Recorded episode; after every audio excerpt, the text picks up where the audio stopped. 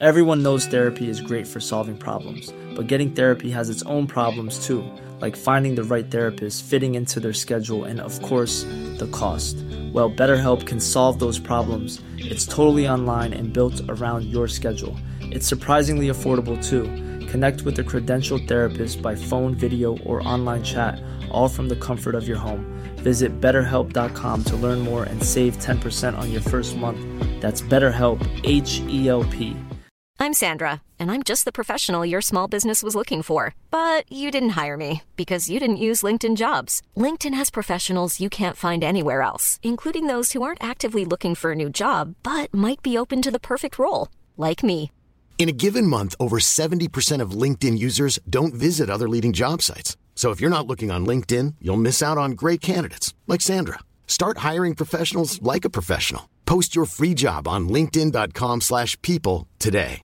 A lot can happen in the next three years. Like a chatbot may be your new best friend. But what won't change? Needing health insurance. United Healthcare Tri Term Medical Plans are available for these changing times. Underwritten by Golden Rule Insurance Company, they offer budget friendly, flexible coverage for people who are in between jobs or missed open enrollment. The plans last nearly three years in some states, with access to a nationwide network of doctors and hospitals. So, for whatever tomorrow brings, United Healthcare Tri Term Medical Plans may be for you. Learn more at uh1.com. Välkommen! Kom ihåg att alla avsnitt finns att lyssna på direkt via podplay.se eller i appen. Nu kör vi! Klockan är 06.30 på morgonen den 1 december år 1948. I utkanten av staden Adelaide i Australien, vid en plats som heter Somerton Beach, upptäcker några människor vid stranden en död man. Polisen tillkallades och spärrade av området. Den döde mannen låg på rygg i sanden. Huvudet lutade mot en strandmur och fötterna låg korsade över varandra. Det fanns inga tecken på strid och mannen hade inga sår eller skador. Han var 180 cm lång, gråa ögon, rödbrunt hår som hade börjat bli grått i tinningarna, mellan 40 till 50 år gammal och vägde cirka 80 kilo. Alla etiketter på hans kläder hade tagits bort. Det som mannen hade på sig i sina fickor var följande. En oanvänd tågbiljett från Adelaide till Henley Beach. En bussbiljett från Adelaide som inte används. En smal aluminiumkam tillverkad i USA. Ett halvtomt paket med Juicy Fruit-tuggummin. Ett cigarettpaket med märket Army Club och en ask med tändstickor. Men mannen kunde inte identifieras. Han hade ingen plånbok på sig så man kunde inte hitta något körkort eller annan typ av identifikation. Dagen efter att kroppen hittades kontaktade polisen potentiella vittnen i ett försök att lära sig mer om mannens sista timmar. Flera personer rapporterade att de sett en man som liknade den okända mannen vid Summerton Beach kvällen innan kroppen hittades. Vittnena beskrev hur de sett en man sitta ensam mot muren och titta ut mot havet. Men ingen kunde säkerställa att det var samma person. Mannens fingeravtryck gav ingen träff i polisens register så han verkade inte ha ett kriminellt förflutet.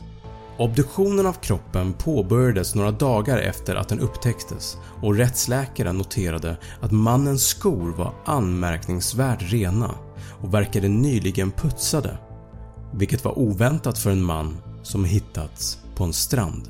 Man hittade inga uppenbara tecken på våld eller trauma. Istället indikerade vissa tecken på att dödsorsaken kunde vara förgiftning. Men man kunde inte hitta något gift i kroppen och det fanns inga tydliga bevis för kräkning eller kramper vilket är vanliga kroppsliga reaktioner på förgiftning. Så skorna var rena och putsade. Inga tecken på våld och mannen hade inte kräkts upp något gift. Kan mannen ha dött någon annanstans och sen blivit flyttad till stranden? I december samma år, som en sista utväg för att försöka identifiera den okända mannen, gjorde polisen en gipsavgjutning av mannens ansikte och bål. Denna avgjutning skulle komma att bli en central del i utredningen och användas flera gånger för en eventuell identifiering av mannen. Även om en definitiv dödsorsak inte kunde fastställas var mysteriet långt ifrån över. Det fanns fortfarande ingen ledtråd om vem mannen var eller varför han dog under de här märkliga omständigheterna. Rättsläkaren och polisen stod inför fler frågor än svar och det blev snart tydligt att det här fallet var långt ifrån det vanliga.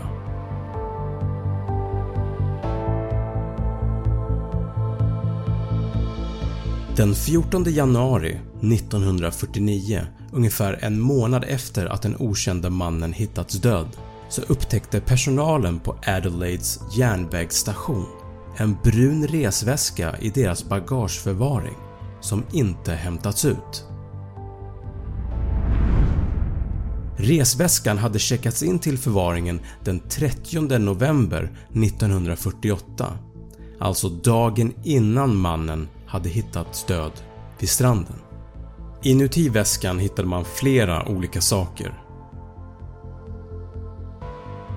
En morgonrock, ett par tofflor, kalsonger, pyjamas och rakartiklar, byxor, en elektrikermejsel, en modifierad bordskniv och ett par saxar, en stencilpensel, ett trådkort med orange vaxad tråd av märket Barber och klädesföremål med märkningen T.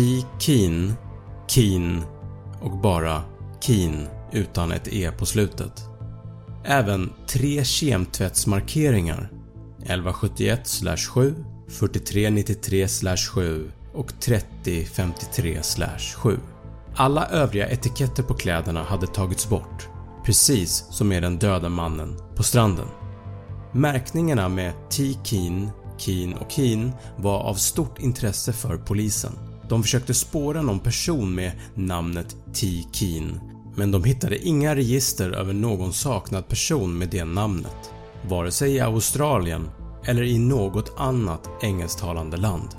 Och kemtvättsmarkeringarna gav heller inga ledtrådar eller någon användbar information. Sakerna i resväskan gav tyvärr inga fler svar på vem mannen var och man kunde heller inte fastställa att väskan tillhörde mannen. Men det var en detalj som särskilt fångade polisens uppmärksamhet. Det orangea vaxade trådkortet av märket Barbour som hittades i väskan. Det hade en mycket specifik typ av tråd som inte fanns tillgänglig i Australien och polisen hade aldrig kunnat gissa att den här tråden skulle bli väldigt aktuell i utredningen några månader senare.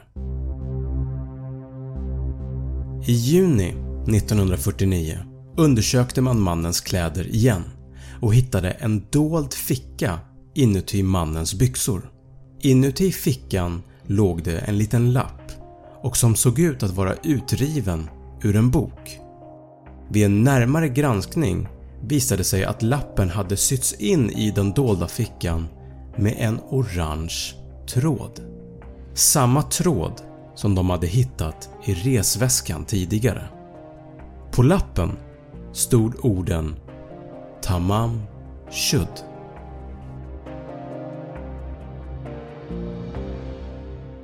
Ingen inom polisen visste vad orden betydde men en lokal polisreporter, Frank Kennedy, som jobbade på tidningen Adelaide Advertiser kände igen skriften från en bok med persiska dikter kallad Rubaiyat of Omar Khayyam. För att bekräfta det här vände sig polisen till experter som kunde identifiera och översätta orden “Tamam Shud” som “Det är slut” eller “Det är färdigt”. Rubaiyat of Omar Khayyam är en samling dikter av den persiska matematikern, astronomen och poeten Omar Khayyam som levde på 1000-talet.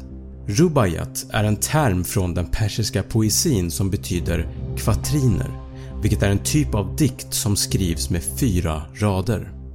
Boken var välkänd men att hitta rätt upplaga som lappen kan ha rivits ut ifrån visade sig vara en utmaning. De började genomsöka alla bokhandlar och bibliotek i Adelaide och närliggande städer, men utan framgång. När det inte gav någon framgång bad de allmänheten om hjälp där de visade upp boken som de sökte och det specifika typsnittet som boken innehöll. Och äntligen hade poliserna lite tur. If you thought the only way to get a more defined jawline with natural looking results was through surgery, think again. Juvederm Volux XC is a non surgical injectable gel filler that improves moderate to severe loss of jawline definition and can help you achieve natural looking results with little downtime. Even better, this improved definition lasts up to one year with optimal treatment. No maintenance required. Improve jawline definition for a smooth, sculpted look with Juvederm Volux XC. For important safety information and to find a licensed specialist, visit juvederm.com. That's J U V E D E R M.com. Not for people with severe allergic reactions, allergies to lidocaine, or the proteins used in Juvederm. Common side effects include injection site redness, swelling, pain, tenderness, firmness, lumps, bumps, bruising, discoloration, or itching. There's a risk of unintentional injection into a blood vessel, which can cause vision abnormalities, blindness, stroke, temporary scabs, or scarring. Talk to a licensed specialist to find out if it's right for you. Burrow's furniture is built for the way you live. From ensuring easy assembly and disassembly to honoring highly requested new colors for their award-winning seating, they always have their customers in mind. Their modular seating is made out of durable materials to last and grow with you. And with Burrow, you always get fast, free shipping. Get up to 60% off during Burrow's Memorial Day sale at burrow.com slash ACAST. That's burrow.com slash ACAST. burrow.com slash acast.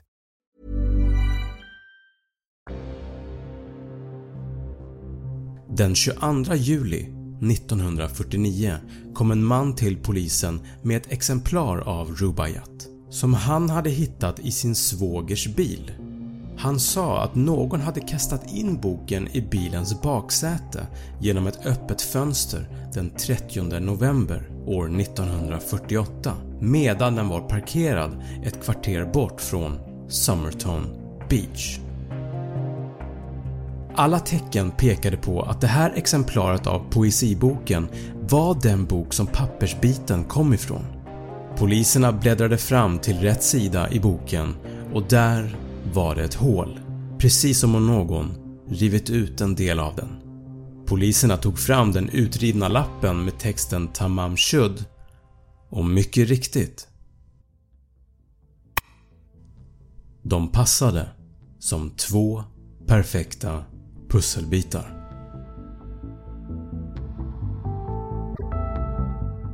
Även om mysteriet med den utrivna lappen var nu löst så hade boken fler hemligheter att avslöja. Inuti boken hittades två mycket intressanta saker. Ett telefonnummer skrivet på baksidan av boken i blyerts och även ett mystiskt mönster av bokstäver. Om vi börjar med telefonnumret. Vem tillhörde det? Polisen upptäckte snabbt att telefonnumret var olistat men lyckades spåra det till en bostad som låg på Mosley Street i Glenelg, ungefär 400 meter norr om där kroppen hittades. Bostaden tillhörde en ung kvinna vid namn Jessica Thompson, 27 år. Hon jobbade som sjuksköterska och var gift med en man vid namn Prosper Thompson. Hon togs till bårhuset för att betrakta gipsavgjutningen av mannens ansikte och bål. När hon såg avgjutningen stannade hennes andning upp. Färgen försvann från hennes ansikte och hon såg ut att vara på gränsen till att svimma. Det var en mycket stark reaktion, särskilt för någon som varit sjuksköterska under kriget och sett säkert mycket värre saker än en gipsavgjutning av en död kropp. Utredarna drog slutsatsen att hennes reaktion berodde på någon form av känslomässig koppling till den avlidne mannen. Trots det här så förnekade Jessica att hon kände igen honom. När det gällde boken Rubaiyat och varför hennes telefonnummer stod skrivet på baksidan erkände hon att hon tidigare ägt ett exemplar som hon gav till en soldat vid namn Alfred Boxall i Sydney under krigstiden. Hon avslöjade inte specifika detaljer om deras relation men utredarna misstänkte att det kunde varit en romantisk förbindelse. Var denna Alfred Boxall den döde Somerton-mannen vid stranden? Och var han i så fall en älskare till Jessica Thompson? En teori var att Alfred hade valt att avsluta sitt liv efter att han aldrig kunnat vinna Jessicas hjärta helt och hållet. Men den här teorin fick man snabbt lägga ner. Alfred Boxall upptäcktes att vara vid liv och han hade också behållit sitt exemplar av Rubaiyat som han hade fått av Jessica och i den boken hade ingen rivit ut orden “Tamam Shud”. Det här spåret fick läggas på is. Och sen hade vi de mystiska bokstäverna. Mönstret bestod av fem rader med till synes slumpmässiga bokstäver varav en av raderna var överstruken. Var det här ett kodat meddelande? Och i så fall, vem hade skrivit det? Och vad betydde det? Utredarna hade ingen aning och kodexperter kallades in för att hjälpa till att lösa det kryptiska pusslet. Men försök efter försök misslyckades. Kodmeddelandet i Rubaiyat har fascinerat och frustrerat kodknäckare i över 70 år. De fem raderna av skenbart slumpmässiga bokstäver utmanar fortfarande de bästa kryptograferna i världen. Är det här en personlig minnesmetod? En slags kryptisk dikt? Eller kanske instruktioner för ett hemligt uppdrag? Ingen vet. Men det är bland annat just den här gåtan som har hållit mysteriet med Somertonmannen levande. Varje generation tar sig an utmaningen att lösa den i hopp om att äntligen ge svar på gåtan om vem den okände mannen verkligen var. För trots alla dessa år av undersökningar, trots de otaliga timmarna av forskning, teorier och gissningar är det fortfarande en fråga som förblir obesvarad. Vem var Somertonmannen. Under åren som följde har det kommit fram en hel del olika teorier.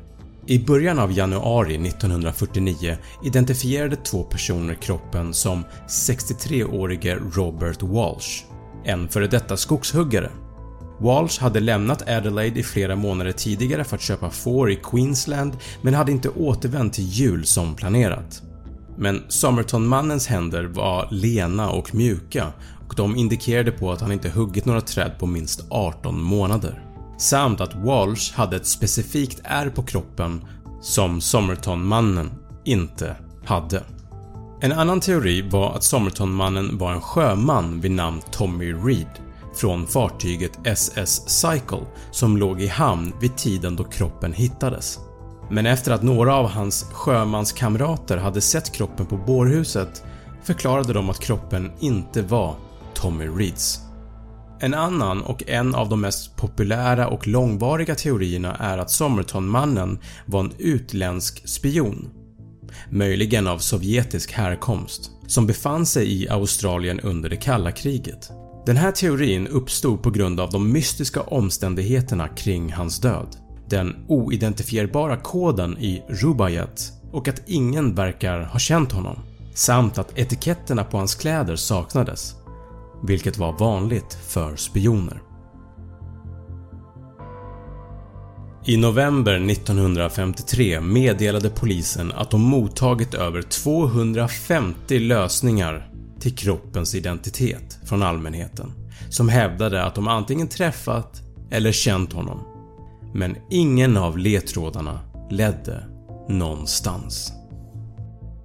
Det skulle dröja ända fram till den 26 juli 2022 då man äntligen hade ett genombrott i fallet. Somertonmannen hade begravts för länge sedan men inuti gipsavgjutningen av Somertonmannen hittade man små hårstrån och via dem kunde man genomföra en DNA-analys och släktforskning. Och då fick man en träff. Mannen på stranden identifierades som Carl Charles Webb. En elektrisk ingenjör och instrumenttillverkare. Född den 16 november 1905 i Melbourne, Australien. Carl Charles Webb var den yngsta av sex barn till Richard och Eliza Webb. Han kom från enkla förhållanden men arbetade sig upp till att bli en skicklig yrkesman. År 1941 gifte han sig med Dorothy Robertson, en apotekare och fotterapeut. Äktenskapet var stökigt, präglat av Carls svåra personlighet. Dorothy beskrev Carl som en ensam man med få vänner som levde ett tillbakadraget liv och gick till sängs vid sju varje kväll. Han kunde verka lugn men hans humör kunde svänga kraftigt och då blev han våldsam och hotfull. Efter år av det här destruktiva förhållandet tvingades Carl att flytta ut år 1947 och bara ett år senare hittades han död på stranden vid Summerton Beach i Adelaide. Under den tiden kunde man fastställa att Dorothy bodde i staden Butte 144 km från Adelaide. Kanske kan det ha varit så att Carl hade åkt till Adelaide i avsikt att försöka hitta henne. Ingen vet. Även fast mysteriet med Somerton-mannens identitet var löst så fanns det fortfarande obesvarade frågor med fallet. Varför hade han lappen med texten “Taman Shud” insydd i byxorna? Vad betydde de mystiska bokstäverna på baksidan av Rubaiyat? Vem kastade in boken i bilen? Var det han själv eller någon annan? Varför reagerade Jessica Thompson så starkt när hon såg gipsavgjutningen? Frågor som vi kanske aldrig får svar på. Man tror fortfarande att han valde att avsluta sitt liv genom att förgifta sig själv. Men hur han gjorde det, varför han gjorde det och vilket gift han använde är fortfarande ett mysterium. Tack för att du har tittat. Glöm inte att prenumerera på min YouTube-kanal Snabbfakta och följ mig gärna på Instagram där jag heter snabb.fakta. Är det någonting ni undrar så kan ni alltid slänga iväg ett mail till snabbfakta1 gmail.com. Planning for your next trip? Elevate your travel style with Quince. Quince has all the jet setting essentials you'll want for your next getaway, like European linen, premium luggage options, buttery soft Italian leather bags, and so much more. And is all priced at 50 to 80% less than similar brands. Plus, Quince only works with factories that use safe and ethical manufacturing practices. Pack your bags with high-quality essentials you'll be wearing for vacations to come with Quince. Go to quince.com/pack for free shipping and 365-day returns.